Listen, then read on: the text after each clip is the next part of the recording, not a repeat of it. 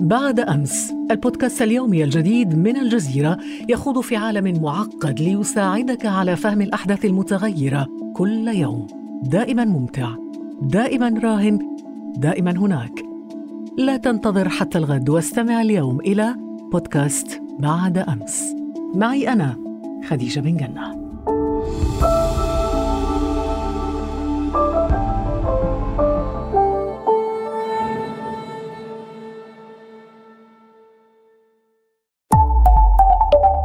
الجزيرة بودكاست. ارتكزت هذه الحلقة إلى البحث في المراجع والمصادر الموثوق بها وكتبت بضمير المتكلم لمقتضيات العمل الدرامي.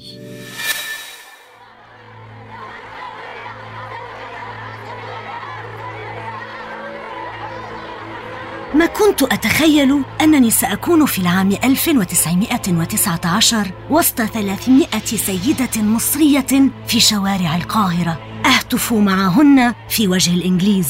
بعدما قاموا بنفي قائد الثورة آنذاك سعد باشا زغلول مع رفاق له في حزب الوفد إلى جزيرة مالطا. لم أتمالك نفسي. فخرجت في هذه التظاهرة النسائية وانضممنا إلى تظاهرة كبرى شارك فيها الرجال والأطفال وكل فئات المجتمع. بعض النساء سرن على أقدامهن وأخريات ركبن السيارات والعربات ورفعن الأعلام المصرية. أحد الجنود الإنجليز حاول انتزاع علم صغير رفعته سيدة من نافذة سيارتها فما استطاع قاومته بشراسة فعلى التصفيق والهتافات؟ أطلق الجنود الإنجليز النار وأصابوا بعض المتظاهرين الرجال لكننا تابعنا التظاهرة وبقينا منظمين. كم كان المشهد مؤثرا؟ كان الشيخ يتأبط ذراع القسيس والأطفال يمسكون بأذرع آبائهم والنساء يهتفن. تحيا مصر! تحيا مصر! نعم قدت أول مظاهرة نسائية ضد الإنجليز في ثورة العام 1919 ورفعت مع رفيقاتي شعار الهلال والصليب تمسكا بالوحدة الوطنية. ونددنا بالاحتلال وطالبنا بالإفراج عن سعد زغلول ورفاقه. حدث ذلك في السادس عشر من آذار مارس فأصبح بعدها تاريخ هذا اليوم يوم المرأة المصرية. وأنا أيضا أول امرأة رفضت ارتداء البرقع في مصر. ربما تندهشون من أخبار هذه، ولكن ستندهشون أكثر من مسيرة حياتي العائلية والثقافية والاجتماعية والسياسية. وما عليكم سوى مرافقتي لتتعرفوا إلي. أنا هدى شعراوي.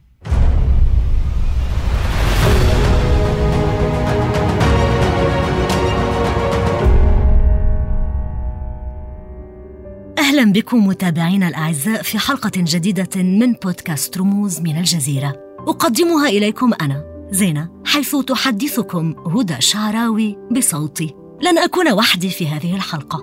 سترافقني سيلينا لتطرح علي ما يخطر ببالكم من أسئلة عن هدى شعراوي أعدكم بأن تكون أمامكم في هذه الحلقة مفاجآت كثيرة لن تتوقعوها في حياة هدى شعراوي من كان يتصور؟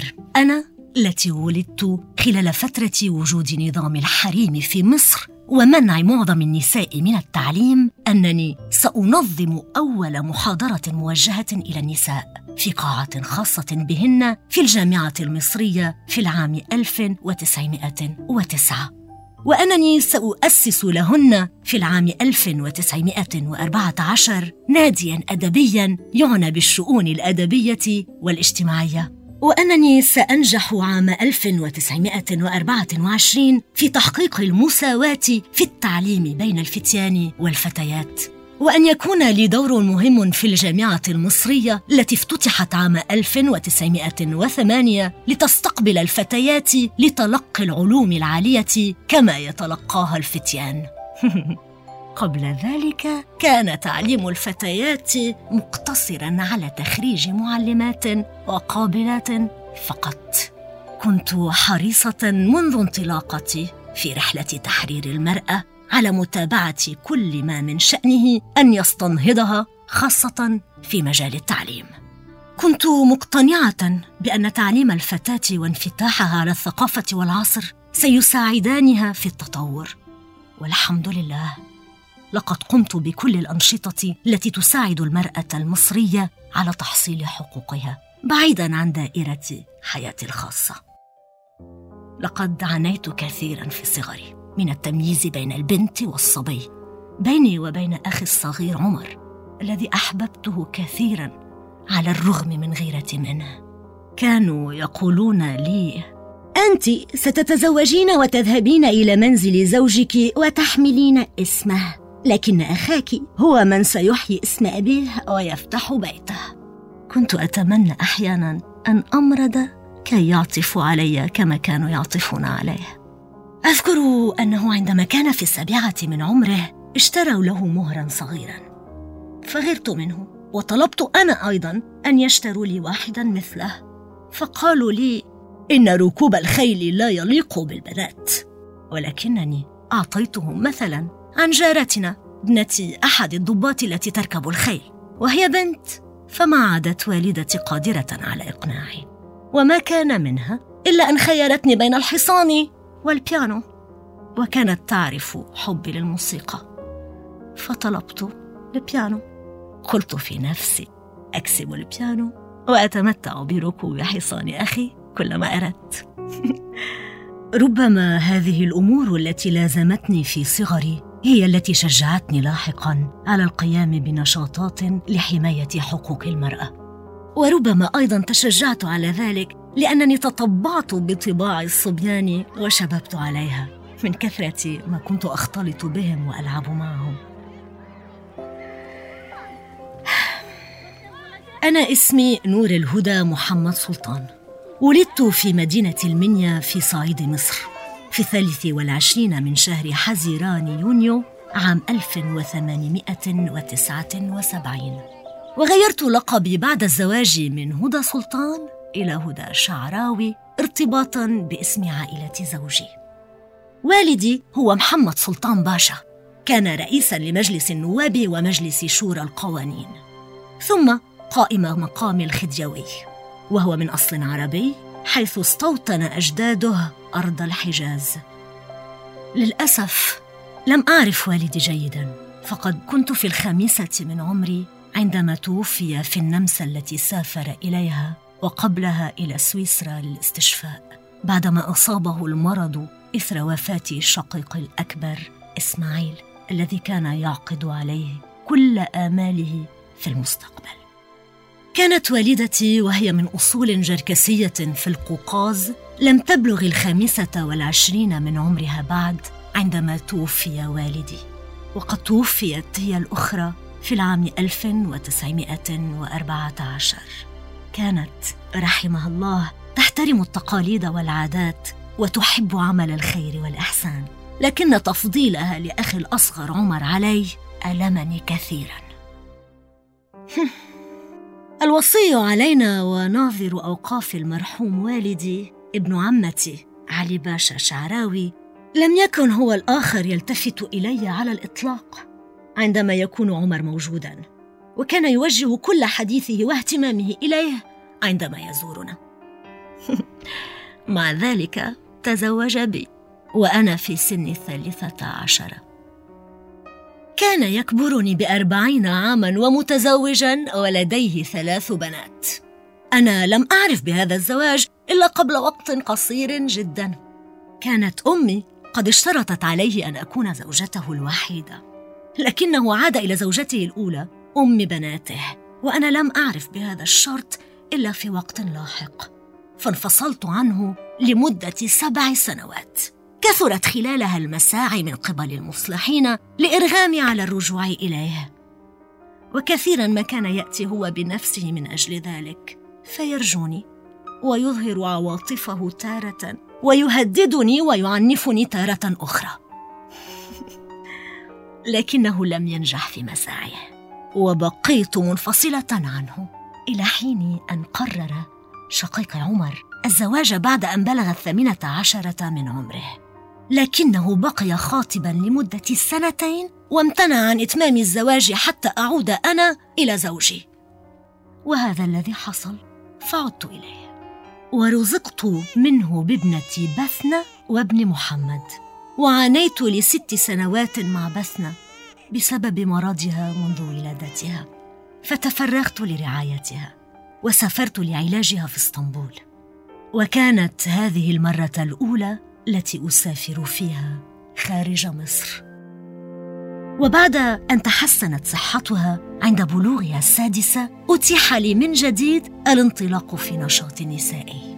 فأنا كنت قد خضت خلال فترة انفصالي عن زوجي أول تجربة لي في العمل الاجتماعي الإنساني العام وكان عمري حينها ستة عشر عاما.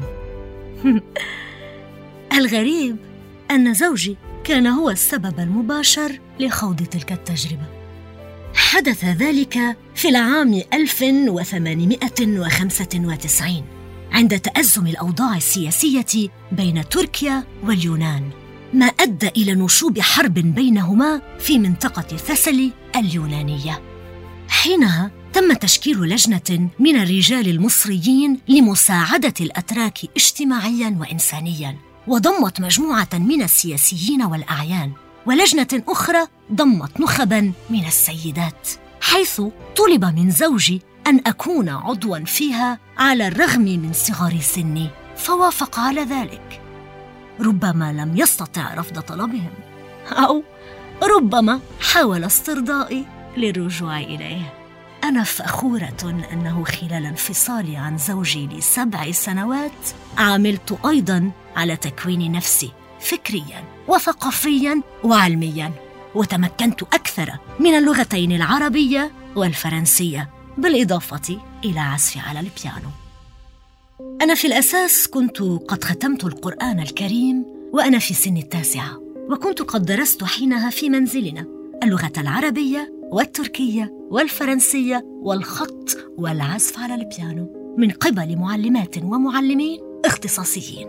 كان لدي منذ صغري شغف بالقراءة والمطالعة فكنت أشتري خلسة من أمام باب منزلنا الكتب العربية من الباعة المتجولين وهذا كان محظورا علينا. كنت أميل إلى الشعر منذ الصغر واشتريت الكثير من الكتب التي تحتوي على الأشعار. لم أكتفي بالكتب التي كنت أشتريها لأشبع نهمي إلى المعرفة والثقافة فصرت أقتنص الفرص لفتح مكتب والدي وأقرأ الكتب الموجودة في المكتبة داخله. وأول كتابين قرأتهما من مكتبته. هما الجزء الثاني من العقد الفريد وديوان أبو النصر أحد شعراء ذاك العصر. هذه المعرفة وهذه الثقافة التي تزودت بهما منذ صغري بالإضافة إلى اطلاعي على أفكار قاسم أمين وقراءتي لكتبه وكتب الإمام الشيخ محمد عبده وغيرهما. كل ذلك ساعدني في مسيرة حياتي. وجاءت تجربتي في العمل الإنساني الاجتماعي وأنا في السادسة عشرة من عمري لتوقظ في داخلي حبي للعمل في الشأن العام ولتنبهني إلى واجباتي تجاه المجتمع. فتشجعت على القيام بنشاطات متعددة لاحقا وحققت الإنجازات الكبيرة من خلالها. يبدو أن انبهارك بالسلطة هو الذي شجعك على ذلك فسعيت إلى الأضواء والشهرة مستفيدة من كون زوجك أحد الأعيان البارزين. فأنت اعتبرت أصلا أن واجباتك تجاه المجتمع تبدأ بتحديه بنزع النقاب عن وجهك. لا لا لا ابدا. في الأساس كنت أمارس جميع نشاطاتي وعلى وجه النقاب حتى حل شهر أيار مايو من العام 1923 حين شاركت لأول مرة في مؤتمر الاتحاد النسائي العالمي في روما.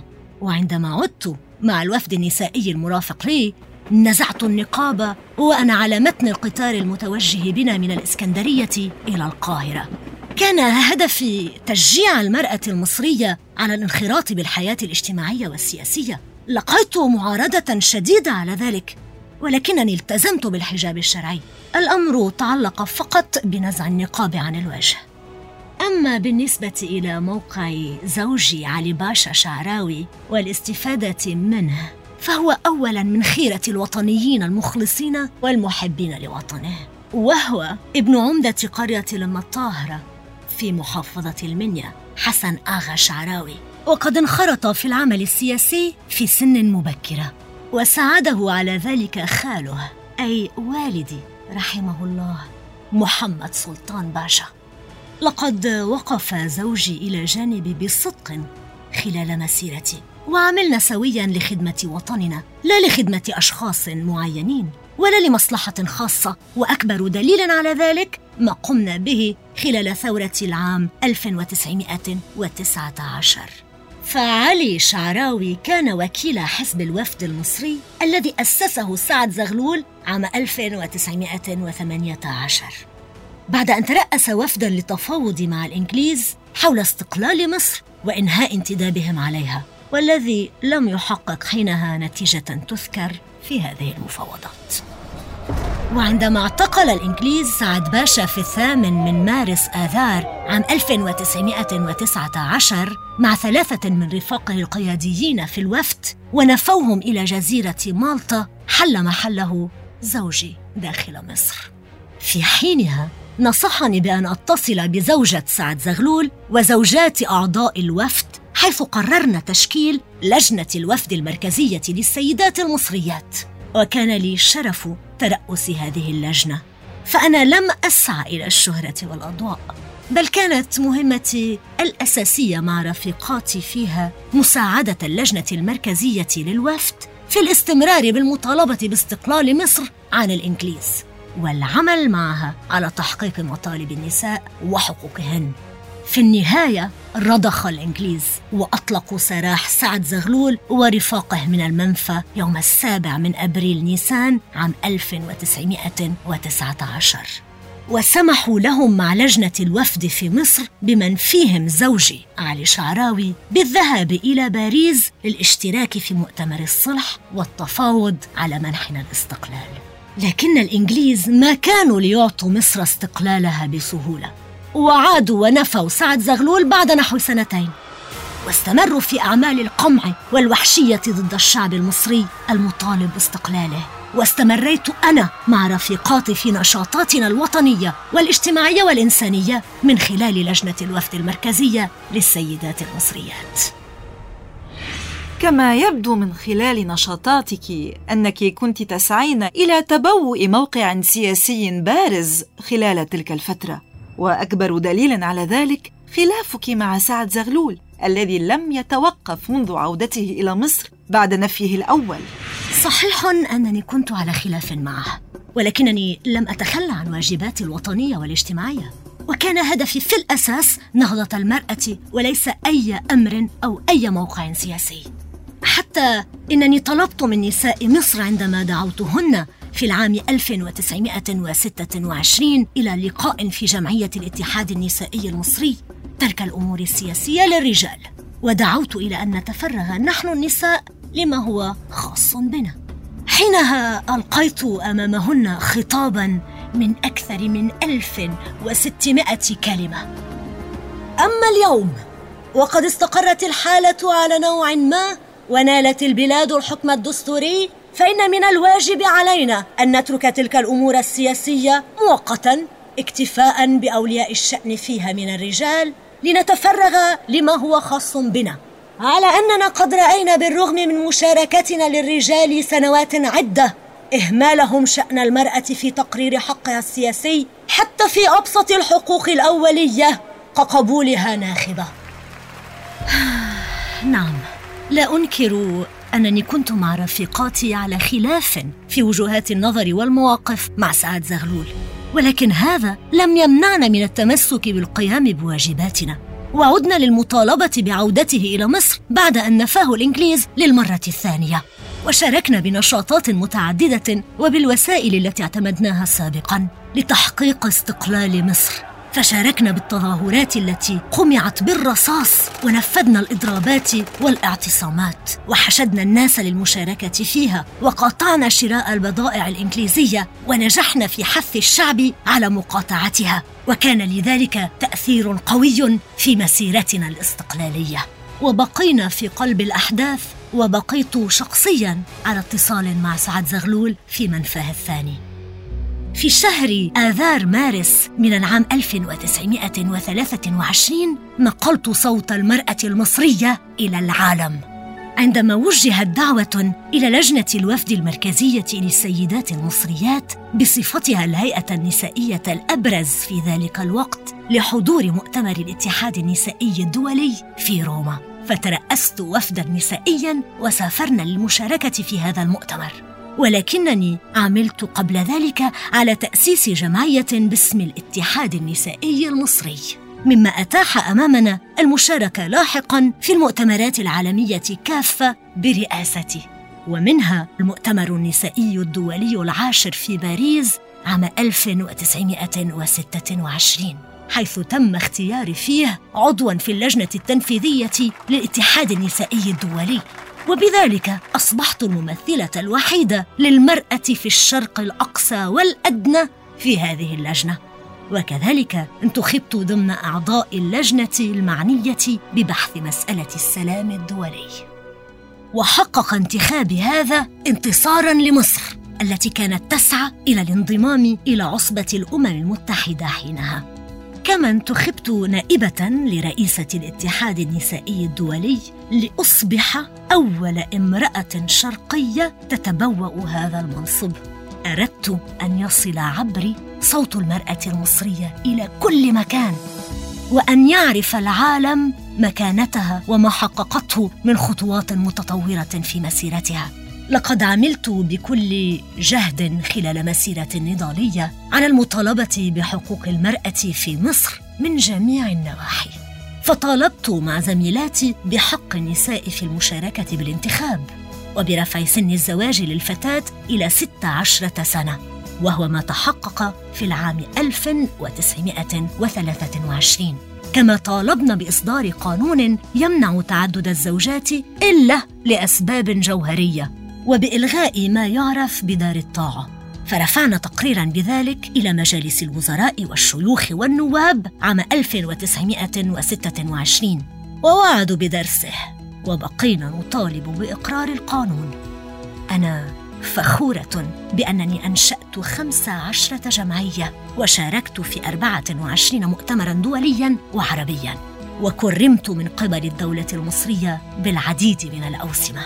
فخورة حقا بما أنجزته في حياتي ولعل المشاريع التي اقمتها لرعاية الأطفال والفتيات والأيتام ولتفعيل العمل الخيري والانتاجي كإقامة مشغل ومصنع لأعمال الخزف كانت الأحب على قلبي. ويضاهيها بذلك تشجيعي للفنانين وإنشائي لمسرح وتخصيص جوائز مالية للمبدعين منهم. بالإضافة إلى مساعدتي في إنشاء بنك مصر عام 1930 ولن أنسى انجازاتي أيضا في عالم الصحافة. عندما أصدرت عام 1925 مجلة اسمها المصرية باللغتين العربية والفرنسية والتي كانت تهتم بشؤون المرأة المصرية. لن أخفي السعادة التي غمرتني عندما أنشأت الاتحاد النسائي العربي الذي عقد أول مؤتمر له عام 1944 في القاهرة كنت قد مهدت لهذا الحدث بدعوة عام 1938 باسم المرأة المصرية إلى مؤتمر في القاهرة لنساء الشرق للبحث في القضية الفلسطينية وكان الأول من نوعه. قد لا تخفين سعادتك بهذا الإنجاز العربي ولكنك كنت سعيدة أيضا عندما نشرت في مجلتك في عددها الأول مقالا طويلا يشيد بالنساء الصهيونيات اللواتي يستوطن في فلسطين. أنا أشدت بهن لأنهن مثقفات فقد جاءوا من أوروبا ولم أكن أدري كالكثيرين غيري عن خفايا ما يحدث في فلسطين في ذلك الوقت لكنني أدركت سريعا بعدها. بحكم موقع العالمي المخطط الصهيوني المتمثل بتدفق المهاجرين اليهود إلى فلسطين. فبدأت مع الاتحاد النسائي المصري وعبر مجلتي بالدفاع عن قضيتها ولفت نظر العالم إليها عبر المحافل الدولية بعدما ظهرت خطورة هذا المخطط. وطالبت في مؤتمر الاتحاد الدولي للنساء الذي عقد في مرسيليا عام 1933 بالعمل على التصدي للهجرة اليهودية ثم أطلقت نداء إلى بلدان الشرق الأوسط لمساعدة الفلسطينيين لكنني لم ألقى آذانا صاغية وهذا ما جعلني أستقيل من اللجنة التنفيذية للاتحاد الدولي للنساء ومن منصبي كنائبة لرئيسته بعدما لمست هيمنة الصهيونية عليه. ها هو يوم الثاني عشر من شهر كانون الأول ديسمبر عام 1947 على وشك الانتهاء. أنا حزينة جدا. فقبل أسبوعين صدر قرار الأمم المتحدة القاضي بتقسيم فلسطين. وها أنا أحاول أن أكتب بيانا وأنا على فراش المرض. لمطالبة الدول العربية بالوقوف صفا واحدا تجاه هذه القضية. لكنني أشعر أشعر صدري يؤلمني. هذه هذه أزمة قلبية تصيبني. آه. وهكذا رحلت هدى شعراوي. رحلت المرأة التي قادت مسيرة تحرير المرأة في مصر والعالمين العربي والإسلامي. وقد استمعنا إلى قصتها الغنية بالأحداث.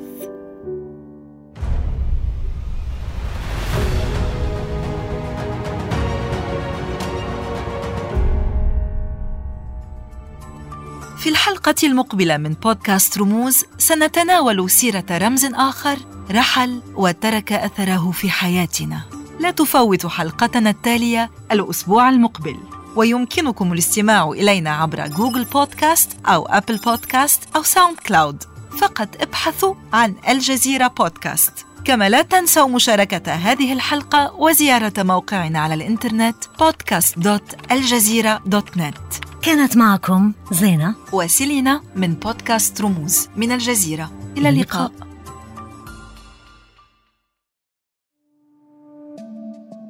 بعد أمس البودكاست اليومي الجديد من الجزيرة يخوض في عالم معقد ليساعدك على فهم الأحداث المتغيرة كل يوم.